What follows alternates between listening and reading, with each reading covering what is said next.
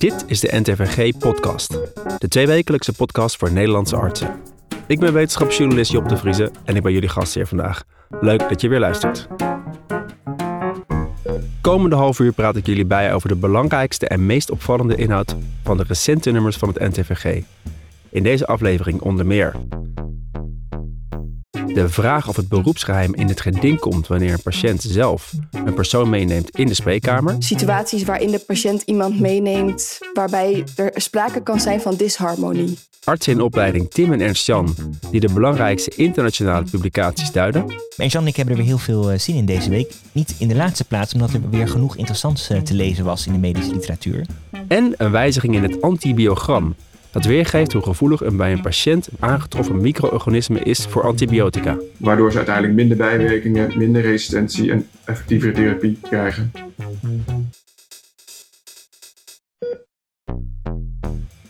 Patiënten nemen tegenwoordig regelmatig iemand mee naar de spreekkamer van hun arts.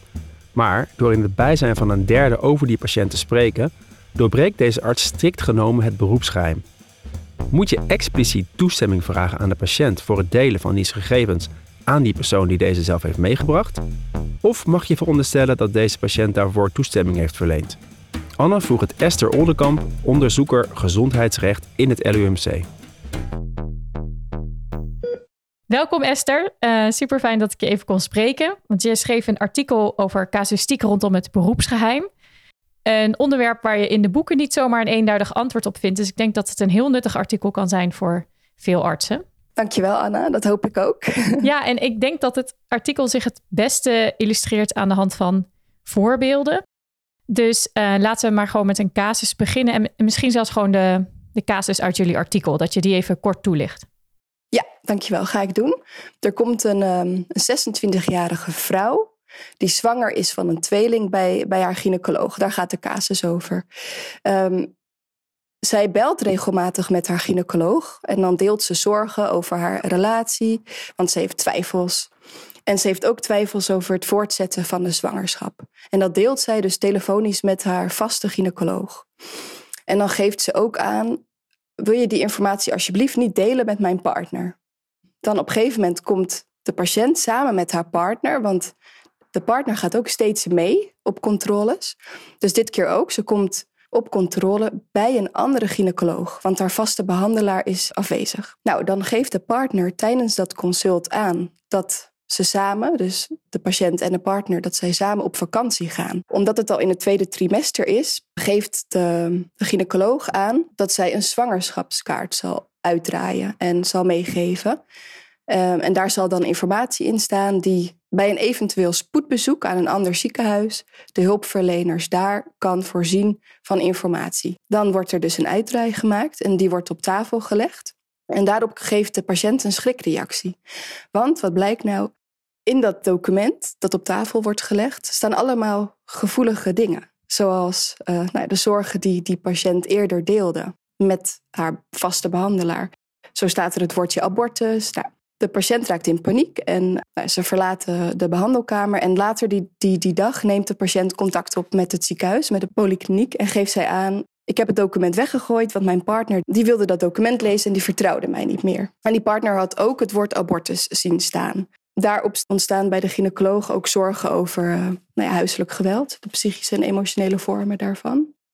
En, en dat is eigenlijk de casus die wij schetsen. Ja, en, en dan de belangrijkste vraag. Heeft de gynaecoloog in deze kwestie haar beroepsgeheim doorbroken? Het antwoord op die vraag is ja. Eigenlijk is de vraag hier of de gynaecoloog uit kon gaan van impliciete toestemming. En het antwoord is nee. Hoe kom ik tot dat antwoord? Nou, de wet geeft geen handvatten, die, die geeft geen um, vereisten voor impliciete toestemming. De KNMG-richtlijn doet dat wel. Daarin staat dat impliciete toestemming gerechtvaardigd kan zijn, maar een patiënt moet wel op de hoogte zijn van die vorm van toestemming. Dan is het idee daarachter dat een patiënt bezwaar kan maken. Als je dat toepast op deze casus, dan kan je zeggen dat, dat de patiënt bezwaar heeft gemaakt. Hè? Want ze heeft gezegd, ik wil niet dat de informatie gedeeld wordt. Nu is deze casus dan misschien nog best wel duidelijk. In jullie artikel staan ook enkele voorbeelden die ook zelfs door het tuchtcollege zijn behandeld. Zo beschrijven jullie een casus waarin het Amsterdamse Tuchtcollege geen schending van het beroepsgeheim constateerde toen een UWV-arts over de HIV-status van de patiënt sprak in het bijzijn van, die, van de reïntegratiecoach van die patiënt. Terwijl er daar dus zelfs over wordt gesproken. Het was niet alleen een dossier dat op tafel werd gelegd. Dus dat lijkt me best wel ingewikkeld om te bepalen of er, of die impliciete toestemming is gegeven, ja of nee. Ja, context is heel belangrijk. De casus die jij aanhaalt van het tuchtcollege ging het om een medisch onderzoek. Eigenlijk zegt het tuchtcollege, als er een medisch onderzoek plaatsvindt in de spreekkamer, dat kan niet zonder uh, gegevensuitwisseling. Dat was een heel belangrijke reden voor het tuchtcollege om te zeggen van impliciete toestemming, dat was gerechtvaardigd in die casus omdat een patiënt zich zou moeten realiseren van tijdens een medisch onderzoek wordt er, worden er gegevens uitgewisseld. Dus als ik iemand meeneem, hoort die die automatisch ook. Ja, en dan was in deze casus nog wel zo dat de patiënt een brief had gekregen. Een uitnodiging van u komt eh, bij de UWV-arts en komt voor medisch onderzoek. Daar staat wel in van tijdens dat onderzoek bespreken wij uw klachten, uw medische klachten en de beperkingen. De UWV-arts had wel een beperking gekoppeld aan die HIV-status. En zodoende was het gerechtvaardigd om dat dus ter sprake te brengen tijdens dat medische onderzoek. Maar het tuchtcollege zegt wel dat je in normale omstandigheden ervan uit kan gaan dat een patiënt dat begrijpt, maar dat er soms nou ja, bijzondere omstandigheden zijn, dat je eigenlijk altijd voorzichtig moet zijn. Dat lees ik er wel in. Ja, ik kan me dan voorstellen dat er weer discussie mogelijk is over wat dan normale omstandigheden zijn. In welke gevallen moeten artsen nou extra oplettend zijn, vind jij? Ik denk als het echt gaat om gevoelige informatie, zoals een HIV-besmetting, maar dan met name in relatie tot situaties waarin de patiënt iemand meeneemt, zoals een, een familielid of een partner, waarbij er sprake kan zijn van disharmonie. Heb je nou nog praktische tips voor artsen om een situatie als in de, jouw eerste casus te voorkomen? Zijn er dingen waar ze, die ze kunnen doen? Ja, ik denk dat een allereerste praktische tip zou zijn om te zorgen dat je tijdens een eerste consult de patiënt alleen spreekt en dan het uitwisselen van gegevens bespreekt. En dan heb je ook nog de computerschermen, die uh, nou ja, vaak heel groot zijn en op, uh, op het bureau staan. Dat je die op een bepaalde manier positioneert, dat die niet zichtbaar zijn voor de ander. En dan speel ik zelf ook nog met de gedachte dat je misschien zo'n ja, weergave op de computer van het medisch dossier anders kan inrichten. Gevoelige informatie, dat, die, dat je die ergens achter kan hangen, achter een uitroeptekentje of. Uh, ja, dat die in een soort extra tabblad zit of uitklapbaar is, dat die niet standaard zichtbaar is. Ja. ja. Oké, dankjewel Esther. Ik denk dat dit heel nuttig kan zijn voor veel artsen. Oké, nou ik hoop het. dat zou mooi zijn. Ja, dank jullie wel, Esther Oldenkamp en onze eigen Anne. Het artikel van Esther Oldenkamp is uiteraard te vinden op ntvg.nl, te vinden onder podcast. Reageren mag altijd via podcast.ntvg.nl. In de warme douche staan we stil bij al het moois in de medische wereld. Er zijn veel artsen die zich inzetten voor goede initiatieven en wij geven die graag aandacht. Met vandaag onder de douche Wanda de Kanter, longarts en activist tegen de tabaksindustrie. Haar stichting Rookpreventie Jeugd heeft recent een juridische overwinning op de tabaksindustrie behaald rond de Schumel-sigaret. Daardoor moet het teer- en nicotinegehalte in filtersigaretten fors omlaag. Wanda, welkom in de uitzending. Dank je. Allereerst nog uh, ja, gefeliciteerd. Ja, dankjewel. Wat kun je nog even kort uitleggen hoe het ook weer zat met die Schumel-sigaret? Nou ja, de emissiewaarde van teer, nicotine en koolmonoxide mag maximaal 10-1-10 zijn. Toen heeft de tabaksindustrie in de filter onzichtbare kleine gaatjes geponst, die zij in hun eigen rookmachine zetten. Dat als die rookmachine inademt, komt er schone lucht bij. Dus je verdunt de waarde. Toen heeft RIVM in 2018 laten zien dat je waardes krijgt die wel 3 tot 20 keer zo hoog zijn, want de roker die sluit die gaatjes af. Mhm. Nou, dat wist niemand. En omdat er inderdaad duidelijk is geworden dat die meetmethode van de tabaksindustrie is voor de tabaksindustrie. En nooit aan de burger is gezegd dat het voor de tabaksindustrie zelf was en niet voor de burger, ja. is dat misleiding. Ja. Dus we weten dat het RIVM heeft aangetoond dat alle sigaretten met filters in de schappen dus vele malen meer kankerverwekkende stoffen hebben.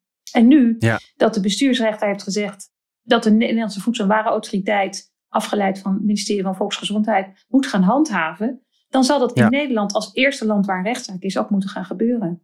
Ja, je zegt eigenlijk moeten dan die, die sigaretten zoals ze nu zijn, moeten ze uit de schappen. Maar dat is niet iets wat zomaar even, even gebeurt. Nee, dus dan, dan krijg je natuurlijk een volksopstand met alle winkeliers en alle lobby en, en de roker zelf. Dus wat wij um, voorstellen is dat uh, de staatssecretaris, die natuurlijk van preventie is en daarover gaat, uiteindelijk um, aankondigt dat er een nieuwe meetmethode gaat komen. Nou, die nieuwe meetmethode is er al heel lang. Van de Wereldgezondheidsorganisatie heeft die gemaakt, waar de gaatjes zijn afgeplakt, waar ja. dus de echte waarden komen.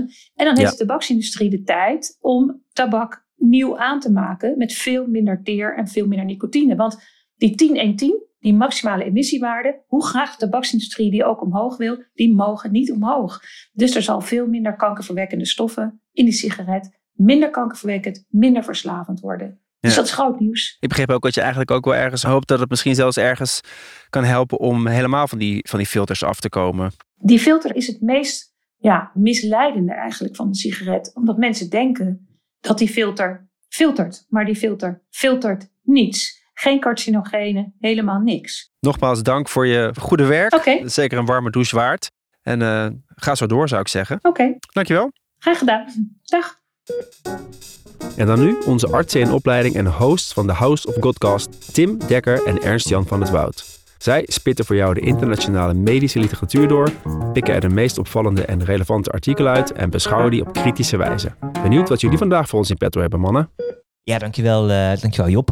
En Jan en ik hebben er weer heel veel uh, zin in deze week. Niet in de laatste plaats, omdat er weer genoeg interessants uh, te lezen was in de medische literatuur. We bespreken in deze aflevering een studie over de behandelongelijkheid van patiënten met diabetes mellitus type 2. We bespreken het ideale tijdstip om antihypertensiva in te nemen. Maar we beginnen met de chirurgische behandeling van perifere vaatlijden. En dat doen we aan de hand van een grote studie van Farber en collega's, verschenen in de New England Journal of Medicine. En dat is een artikel en dat gaat over de optimale behandeling van perifere vaatlijden. En wat betreft de invasieve behandeling hiervan zijn er ja, grofweg twee opties. Ofwel een chirurgische bypass of endovasculaire therapie. En de keuze voor een van beide als initiële behandeling varieert eigenlijk sterk tussen behandelaars en is onder andere gebaseerd op de arteriële anatomie en het operatierisico. Maar ook wordt dat sterk bepaald door de voorkeuren en ervaringen van de behandelend chirurg. En hoewel men het er over het algemeen over eens is dat patiënten die niet in aanmerking komen voor chirurgie wel baat hebben bij endovasculaire therapie, is het eigenlijk onbekend welke behandeling nou het meest geschikt is als eerste stap voor patiënten die in aanmerking komen voor beide. En dat werd uitgezocht in deze prospectieve studie, waarbij patiënten gerandomiseerd werden tussen een endovasculaire behandeling of een behandeling met een chirurgische bypass. En voorwaarde voor inclusie was wel dat er door twee behandelaars onafhankelijk werd vastgesteld dat er op basis van de huidige inzichten geen duidelijk te prefereren behandeling bestond. Nee, en het is goed om te weten dat de onderzoekers twee groepen hebben gemaakt, afhankelijk van of er een geschikte vena vena magnor was als donorader. Als ze dit hadden, dan werden patiënten toegewezen aan cohort 1 en patiënten die een alternatieve bypass nodig hadden, werden toegewezen aan cohort 2. En de primaire uitkomst was vervolgens een samenstelling van een adverse limb event. En dat was gedefinieerd als de noodzaak tot amputatie of een nieuwe ingreep aan hetzelfde ledemaat. Of was patiënt overleden door welke oorzaak dan ook. Ja, in cohort 1 werden ruim 700 mensen gerandomiseerd tot een bypassoperatie. En ongeveer hetzelfde aantal kregen een endovasculaire ingreep.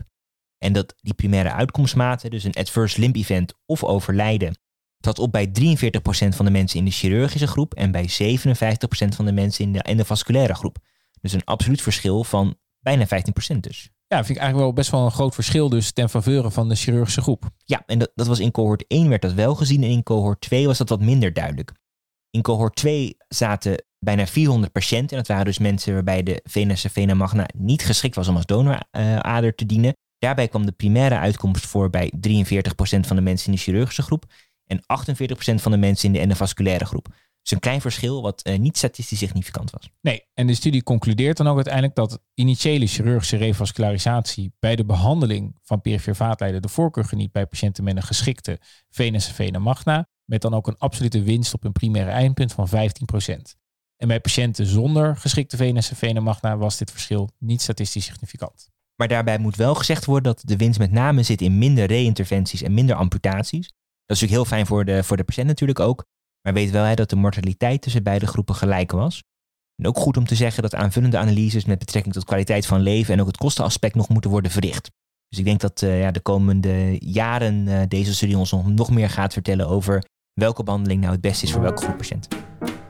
En dan gaan we door naar een uh, artikel van Ambros en collega's, gepubliceerd in het tijdschrift van Diabetic Medicine. En dat is een studie vanuit het UMCG. En het bespreekt het voorschrijfgedrag van huisartsen bij patiënten met diabetes mellitus type 2 op basis van het geslacht van de patiënt. Ja, patiënten met diabetes mellitus type 2 hebben natuurlijk een verhoogd risico op cardiovasculaire ziekte. En nu is het ook bekend dat vrouwen met diabetes een hoger risico hebben op cardiovasculaire complicaties dan mannen. Nou, de richtlijnen over cardiovasculair risicomanagement bij mensen met diabetes maakt uh, geen verschil tussen mannen of vrouwen. Dus dat suggereert toch dat er ofwel een soort andere onderliggende pathologie is bij uh, vrouwen ten opzichte van mannen. Of misschien is er toch wel een soort verschillen in voorschrijfgedrag, waardoor vrouwen misschien wel ten onrechte effectieve medicatie wordt onthouden. En uh, dat tweede punt, dat willen de onderzoekers eigenlijk graag naar kijken. Met eerder onderzoek is er al een set van kwaliteitsindicatoren voor de behandeling van type 2 diabetes ontwikkeld. En die indicatoren die zijn afgeleid van evidence-based aanbevelingen en gericht op het voorschrijven van middelen voor de behandeling van diabetes, maar ook voor lipideprofiel, hypertensie en het verlagen van albuminurie. En in deze studie uh, evalueerden de onderzoekers verschillen in voorschrijfgedrag door huisartsen op basis van het geslacht van de patiënten. En ze maakten voor gebruik van een database met uh, 10.000 patiënten met type 2 diabetes. En ze brachten met medicatiecodes het gebruik van medicatie in beeld en correleerden dat dan met de meest recente HbA1c-waarden, bloeddrukwaarden en uh, albuminurie die in het systeem waren geregistreerd. En deze studie omvatte dus meer dan 10.000 patiënten, van wie bijna de helft vrouw was. En statistisch significante verschillen werden gezien tussen mannen en vrouwen in een aantal van die kwaliteitsindicatoren. In die situaties kregen vrouwen minder vaak de aanbevolen en evidence-based medicatie voorgeschreven dan mannen. En dat gaat om het voorschrijven van uh, metformine, dat werd minder vaak voorgeschreven aan vrouwen. Vrouwen kregen ook minder vaak een statine dan mannen en vrouwen werden ook minder vaak behandeld met een raadsremmer voor albuminurie of hypertensie. Terwijl al die behandelingen uh, wel evidence-based zijn. Ja, dat is toch wel weer opvallend. Er zijn gewoon duidelijke verschillen op meerdere fronten met metformine, uh, raasremmers zoals perindopril of candesartan en ook statines. En dan blijft natuurlijk de vraag of dat nou bewust of onbewuste keuze zijn van de voorschrijvende dokter op basis van het geslag. Het is uh, wel zo dat er namelijk met name gekeken werd naar de codes en niet in het dossier zelf werd gekeken of misschien wel ja, in goed overleg uh, besloten was om bepaalde medicatie niet voor te schrijven, bijvoorbeeld op basis van eerdere bijwerkingen of ervaringen van de patiënt. En het misschien ook wel zo dat de dokters hebben afgezien van de behandeling op basis van uh, kwetsbaarheid van de patiënt. En dat is, dat is wel lastig te onderzoeken met deze studie. Ja, daar, daar ben ik het op zich wel mee eens. Maar ongeacht het is denk ik gewoon heel erg belangrijk om uh, deze verschillen op te merken en in kaart te brengen. Het cardiovasculair risico van patiënten met diabetes is gewoon heel erg hoog. En dit is wel een mogelijk signaal dat we vrouwen misschien wel onderbehandelen. Dat is, dat is gewoon belangrijk, denk ik. Ja, en dan sluiten we nog af met uh, een studie die we kort noemen. Een studie van McKenzie en collega's recent verschenen in, uh, in de Lancet. En dat is de TIME-studie. Prikkelende studie waarbij de timing van antihypertensiva is onderzocht. Ja, het is natuurlijk zo dat normaal gesproken antihypertensiva in de ochtend worden genomen. En het is ook zo dat de meeste mensen s'nachts een lagere bloeddruk hebben dan overdag. Maar het is ook bekend dat er een groep mensen is bij wie deze normale nachtelijke bloeddrukdaling ontbreekt. En deze mensen hebben dus s'nachts een hogere bloeddruk en die hebben ook een hoger risico op cardiovasculaire ziekte. Nou, de hypothese van deze studie was dat het toedienen van antihypertensiva in de avond mogelijk effectiever is voor het normaliseren van het normale bloeddrukbeloop en daarmee ook effectiever is voor het voorkomen van complicaties van hypertensie. De korte conclusie is dat dat niet het geval bleek. Er was geen verschil op een primaire eindpunt tussen toediening in de ochtend of in de avond. En het primaire eindpunt was een samengestelde uitkomstmaat bestaande uit dood door cardiovasculaire oorzaak of het optreden van een myocardinfarct of CVA. En zowel in deze gecombineerde uitkomstmaat of in alle secundaire uitkomstmaten was geen verschil tussen beide groepen. Dus het lijkt geen verschil te maken of je je antihypertensiva in de ochtend of in de avond inneemt. Ja, nou ja dus het kan dus, kan dus allebei. Dat is op zich ook alweer fijn om, uh, fijn om te weten, uh, toch? En daarmee sluiten wij af. Uh, binnenkort worden deze artikelen en natuurlijk nog veel meer ook besproken in het, in het tijdschrift. En wij zien jullie volgende keer weer. Tot ziens. Ja, ook in een goede podcast mag geen spelelement ontbreken. En vandaar dat we in de rubriek Wat hoor ik daar een geluid hebben wat jullie mogen raden wat te maken heeft met het ziekenhuis. We gaan nog even luisteren naar het geluid van de vorige keer.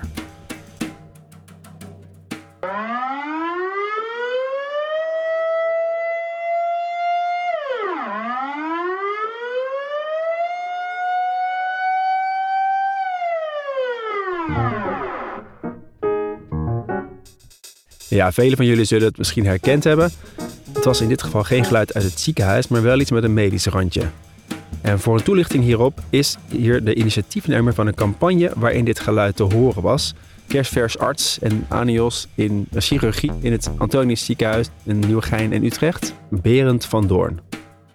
Ja, welkom Berend. Dankjewel. Leuk dat je er bent. Ja, je hebt nogal wat aandacht gehad voor jullie uh, geluid. Wat hebben we gehoord? Dit was het uh, luchtalarm, sinds uh, vorige maand 7 november ook wel het, het ballenalarm genoemd. Het ballenalarm. En, en wat moeten we daaronder verstaan? Ja, het was een uh, idee wat een jaar geleden bij mij ontstond. Om dus het luchtalarm te mixen met een CAS, de Testicular Awareness. Ja, dus Testicular Awareness. Hè? Dus uh, awareness van de testikels. Klopt, ja. Veel vrienden van mij vroegen van, van ja, ik voel daar wel eens wat beneden. En hoe zit dat dan? Hè? En nou ja, ik wist zelf ook niet precies hoe je daar naar moest voelen. En ik ben dat gaan uitzoeken. En toen was volgens mij net het luchtalarm in het nieuws. Omdat graphouders die wilden dat uh, verbannen. Die vonden het wel genoeg dat we allemaal telefoons hadden. En toen heb ik dat aan elkaar gekoppeld en gedacht, van, ja, ik heb daar wel een leuke nieuwe bestemming voor. En dat werd het ballenalarm? Dat werd het ballenalarm. En toen heb ik een uh, fantastische kerel gevonden, Daan Koelman. En die is supergoed met film. En die vond het ook een leuk idee. En toen zijn we gaan draaien met ex-stilbalkankerpatiënten die ze hebben gevonden als acteurs. Nou, toen hebben we het filmpje in elkaar gedraaid, ja. En the rest is history. The rest is history. Ja, toen werd het fantastisch opgepakt door Radio 1 en uh, Hart van Nederland. En toen had NOS een artikeltje over. Ja, en toen werd het overal opgepakt. Dus dat was echt een gekke, gekke maandag, zeg maar. Je telefoon ging de hele tijd af. De boodschap is eigenlijk heel simpel, hè? Gewoon let er een beetje op. En als er iets geks is, ga dan naar een arts. Ja, exact. Dus het gaat niet per se om dat je elke eerste maand van de maand om 12 uur... dat je je hand in je broek steekt, waar je ook bent. Het gaat vooral om dat mensen weten dat het er is. Um, dat je ernaar kan voelen zelf. En um, dat dus de meest voorkomende kanker is bij jonge mannen. Nou is ook wel wat uh, kritiek hier naar opgedoken over dat je, nou ja, als je meer gaat voelen, ga je meer ontdekken ook dingen die uiteindelijk niet erg zijn. Hoe, hoe kijk je daar tegenaan? Dat is een, denk ik een geëikte discussie over uh, preventie. Er is geen goed onderzoek gedaan naar of het wel of niet de sterfte beïnvloedt. Maar ja, ons doel was ook om het taboe er een beetje vanaf te halen. Ja, dat zijn toch dingen die op de een of andere verkrenkelde manier niet passen in ons mannelijk beeld. Een man moet twee ballen hebben. En ik denk dat het alleen maar goed is dat er aandacht voor is. En of het uiteindelijk uh, werkt of niet. Misschien niet op de sterfte, maar misschien op voorkoming van één of twee chemo's wel. En het kost natuurlijk nou ja, niet echt geld om jezelf te controleren. Misschien een extra huisartsbezoekje. En heb je nou nog verder ideeën voor, uh, om hier nog verder iets mee te doen? Misschien gaan we nog wat doen in december. We hebben nu zoveel media-aandacht gehad en het is ook wel ja, het is misschien ook wel mooi geweest, weet je wel. Ja, ja, hier ga je ook niet meer overheen. Nee, daarom, ja. Ja, nou, we wachten het af. Dankjewel voor nu. Yes, jij bedankt. Heb je nou zelf een eigen geluid in te brengen, dan horen we dat graag. Mail je fragment naar podcast.ntvg.nl en wie weet zit het binnenkort in de show. Ja, veel artsen hebben ermee te maken, maar toch zal niet iedere zorgverlener direct weten wat het is: het antibiogram. Hiermee bepaalt de medisch microbioloog hoe gevoelig of resistent een bij een patiënt aangetroffen micro-organisme is voor verschillende antibiotica. Anne belde met medisch microbioloog Bas Fransens uit het UMC Utrecht en vroeg wat deze wijziging inhoudt en wat deze voor gevolgen heeft. Fijn dat ik je kon bellen, Bas. Wanneer krijgt een arts eigenlijk te maken met dit antibiogram? Eigenlijk krijgt ieder arts die microbiologische diagnostiek uh, inzet hiermee te maken. Of dat nou een arts uit de eerste, tweede of uh, derde lijn is. Neem bijvoorbeeld een patiënt met een verdenking op een urineweginfectie. Daarbij wordt de uh, urine op kweek gezet. dat moet dan een dag groeien. En als er een bacterie blijkt te zijn die indicatief is voor een urineweginfectie, dan wordt er een gevoeligheidsbepaling gedaan voor de relevante antibiotica. En die gevoeligheid wordt uiteindelijk dan gecategoriseerd, weergegeven in het antibiogram. Um, in groepen die voorspellend zijn voor therapeutisch succes in de patiënt. Ja, en tot voor kort waren die drie categorieën die de gevoeligheid aangaven: S voor gevoelig, I voor intermediair gevoelig en R voor resistent. En die middelste categorie, de I, is nu veranderd naar gevoelig bij verhoogde blootstelling, las ik in jullie artikel. Waarom was het noodzakelijk deze categorie aan te passen? Ja, nou dat was nodig omdat de oude definitie van I eigenlijk diverse dingen kon betekenen. Meestal betekende het dat het gevoelig was bij verhoogde blootstelling. Maar het kon ook een onzeker behandeleffect betekenen uh, of een onzekere labuitslag, uh, waarbij het laboratorium twijfelde of er meetonzekerheid in het spel was. En ik denk dat in de praktijk veel artsen ja, ook dan niet zo goed wisten wat ze met de I aan moesten. Uh, en het eigenlijk beschouwden als in dit geval onduidelijk. Op zijn best overlegden ze met de arts-microbioloog, maar in de praktijk ja, werd het vaak vermeden en gekozen voor een tweede keuze antibioticum of breedspectrum therapie. En nu, met een nieuwe definitie van I, is het eenduidig. Het is gevoelig bij verhoogde blootstelling. En wat moet hij dan doen, die arts, als hij die nieuwe I nu terugkrijgt? Ja, nou, zoals eigenlijk de titel van ons artikel zegt, antibioticum met een I hoef je niet langer te vermijden. Um, ja, als je dat als voorbeeld daar een, een casus bij zou benoemen, misschien zou je uh, kunnen denken aan een 28-jarige vrouw bij de huisarts met een urineweginfectie en tekenen van weefselinvasie.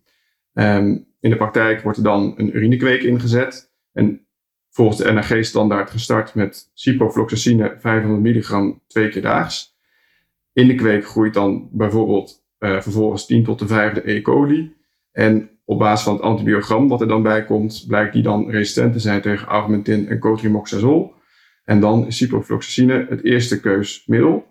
Um, maar in het antibiogram wat dan terugkomt, wordt de uitslag gerapporteerd voor ciprofloxacine als gevoelig bij verhoogde blootstelling. Um, nou, wat de arts in dat geval dan moet doen, is dat hij de ciprofloxacine gewoon kan continueren. Alleen moet de dosis worden aangepast van 500 milligram twee keer daags naar 750 milligram twee keer daags. Um, om de iets verminderde gevoeligheid bij die bacterie te overkomen. En de doseringen die nodig zijn bij zo'n gevoelig bij verhoogde blootstelling, die zijn terug te vinden op het landelijke Swabit antibiotica boekje. Als ik het goed begrijp, is het grote voordeel dat je door deze categorie nu aan te passen, het eerste keuze antibioticum veilig kan geven en je niet hoeft te escaleren naar een antibioticum met breder spectrum, waardoor weer mogelijk meer bacteriën resistent worden. Ja, precies. Eigenlijk is escalatie ook juist onwenselijk, omdat het niet effectiever, maar meer soorten bacteriën behandelt. Wat kan leiden tot resistentie in de patiënt en uiteindelijk ook verspreiding in de bevolking. En zijn er nou nog meer voordelen voor de individuele patiënt? Ik denk dat het belangrijkste voordeel voor de patiënt is als artsen juist handelen bij de nieuwe I, dat uh, de patiënten vaker met het juiste middel in de juiste dosering behandeld worden, waardoor ze uiteindelijk minder bijwerkingen, minder resistentie en effectievere therapie krijgen. En is het eigenlijk alleen een kwestie van naamsverandering of is de labmethodiek ook aangepast? Om de nieuwe I eenduidig te krijgen, uh, moesten eenmalig op het laboratorium de breekpunten aangepast worden. Uh, en daarnaast is voor het laboratorium, dus dat is niet voor de aanvragend arts, maar voor het lab de ATU geïntroduceerd, oftewel de Area of Technical Uncertainty. En als er binnen dit gebied een uitslag gemeten wordt, moet het laboratorium, de arts-microbioloog, kritisch nadenken hoe zij de uitslag rapporteren. Uh, en dan kan het een optie zijn om een tweede type conformatietest in te zetten, zodat er een zekere uitspraak gedaan kan worden of een micro-organisme gevoelig is bij verhoogde blootstelling. Of uh, het lab kan ervoor kiezen om de uitslag af te geven als resistent. Maar dan moeten er wel voldoende alternatieve behandelopties zijn. En mag de uitslag niet in het belang zijn van antimicrobial stewardship. En de laatste optie is dat het lab expliciet vermeldt dat het een onzekere uitslag betreft. Maar dan mogen zij daar niet meer de I voor gebruiken. Want die moet transparant blijven. Uh, dat is namelijk gevoelig bij verhoogde blootstelling. Dit klinkt toch wel als iets meer werk. Kost de bepaling eigenlijk dan ook meer op deze manier? Ik ben geen expert in de kosten van deze wijziging. Maar ik denk dat een aantal uh, extra confirmatietesten die ingezet worden marginaal zijn. Dus dan heb je alleen die eenmalige kosten waarschijnlijk voor de administratieve veranderingen in alle laboratoria. Ja. Is die nieuwe I eigenlijk al in alle microbiologische laboratoria doorgevoerd? Nee, op dit moment nog niet. Uh, we zitten landelijk in een uh, overgangsfase. Het initiatief voor deze wijziging komt van uh, UCAS, dat is de Europese Commissie voor Gevoeligheidsbepalingen. En dit wordt nu Europees en ook in Nederland per lab aangepast. En als artsen twijfelen of een ziekenhuis al over is, of ze twijfelen over de juiste dosering, dan is het belangrijk om even te overleggen met hun eigen arts-microbioloog. Dankjewel voor deze heldere uitleg, Bas. Graag gedaan. Wil je meer weten over deze nieuwe i? Lees dan het stuk van Fransens en collega's. Je vindt het op ntvg.nl/slash podcast. We zijn al bijna aan het einde van deze aflevering gekomen, maar niet voordat we jullie de tip van de redactie hebben gegeven. Deze week is wederom te gast in de studio Rosie Sikkel, nieuwsredacteur bij het NTVG. Welkom Rosie. Ja, dankjewel. Ik heb er een uh, hele leuke tip voor jullie meegenomen. Deze podcast wilde ik graag wat aandacht besteden um, aan de Supersize blogs van uh, Luc Hagenaars. Hij doet onderzoek naar obesitaspreventie in de Verenigde Staten. En hij schrijft voor het NTVG blogs over ja, hoe wij van Amerika kunnen leren uh, als het gaat om obesitaspreventie. En dus met name wat we vooral niet moeten doen. Er is al één blog gepubliceerd en die ging over hoe um, de lage lonen in de fastfood-industrie ja, er eigenlijk voor zorgen dat mensen gepusht worden om ongezondere keuzes te maken als het gaat om voeding. En vertaalt hij dat dan ook nog naar Nederland toe? Ja, hij beschrijft eigenlijk elke keer in zijn blog van nou, hoe zit dat dan in Nederland en wat kunnen wij leren van die situatie. En de tweede, die komt in de week van deze podcast online, heb ik begrepen. Ja, die uh, blog staat in het uh, teken van uh, bewegingsarmoede. Um, hij beschrijft dan dus op welke manier de infrastructuur van een stad mensen kan stimuleren om een actiever leven te leiden. Hoe moet ik dat voor me zien? hij schrijft die blog dan vanuit zijn woonplaats in San Francisco. en hij beschrijft dan dus dat het autoverkeer in die stad volledig domineert. Hij relateert dat dan aan Nederland en daarbij geeft hij eigenlijk een compliment van, uh, nou dat doen we eigenlijk hartstikke goed. Wij hebben natuurlijk een heel mooi fietspadnetwerk. Uh, en hij geeft vooral aan van koester dat. Dankjewel voor deze tip. We gaan het, uh, het blog van Luc Hagenaars in de gaten houden. Sowieso zal die te vinden zijn via ntvg.nl slash podcast. En ik kijk uit naar de volgende tip over twee weken. Ja. Het zit er weer op. Hopelijk voel je je weer helemaal bijgepraat. Heb je nou zelf tips of opmerkingen? Mail die dan naar onze podcastredactie via podcast.ntvg.nl. Over twee weken zit mijn collega Anne van Kessel op deze stoel. En voor nu een heel fijne dag. En vergeet niet, een goede arts is een goede luisteraar. Dus blijf vooral luisteren. Dit was de NTVG-podcast. Alles wat we vandaag hebben besproken en nog bijna 300.000 andere artikelen kun je terugvinden op onze website ntvg.nl. Heb je daar nou niet alle tijd voor? Geen probleem. Abonneer je op onze tweewekelijkse podcast en voortaan ben je altijd volledig up-to-date. De podcast is nu ook te beluisteren via de bekende podcastplatforms, dus tip vooral al je collega's. Een beoordeling achterlaten zal ons ook helpen om zoveel mogelijk artsen te bereiken. Dit is een podcast van de NTVG-redactie in samenwerking met mijzelf Job de Vrieze, Anne van Kessel, Tim Dekker, Ernst-Jan van het Woud en audiocollectief Visionair Ordinaire.